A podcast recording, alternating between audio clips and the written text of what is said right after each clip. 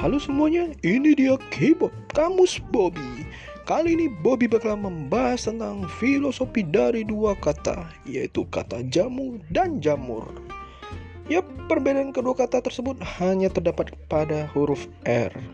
Jamu diartikan sebagai minuman kesehatan yang biasa ditemukan di Indonesia, seperti jamu beras kencur, kunyit asam, atau temulawak.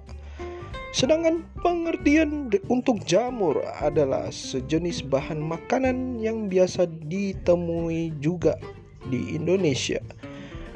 Jenis-jenis jamur seperti jamur tiram, jamur kuping, atau yang sering dimakan jamur enoki. Bagi Bobby sendiri, kedua kata tersebut memiliki filosofinya sendiri. Jamu filosofinya janda muda Sedangkan jamur memiliki filosofi janda berumur.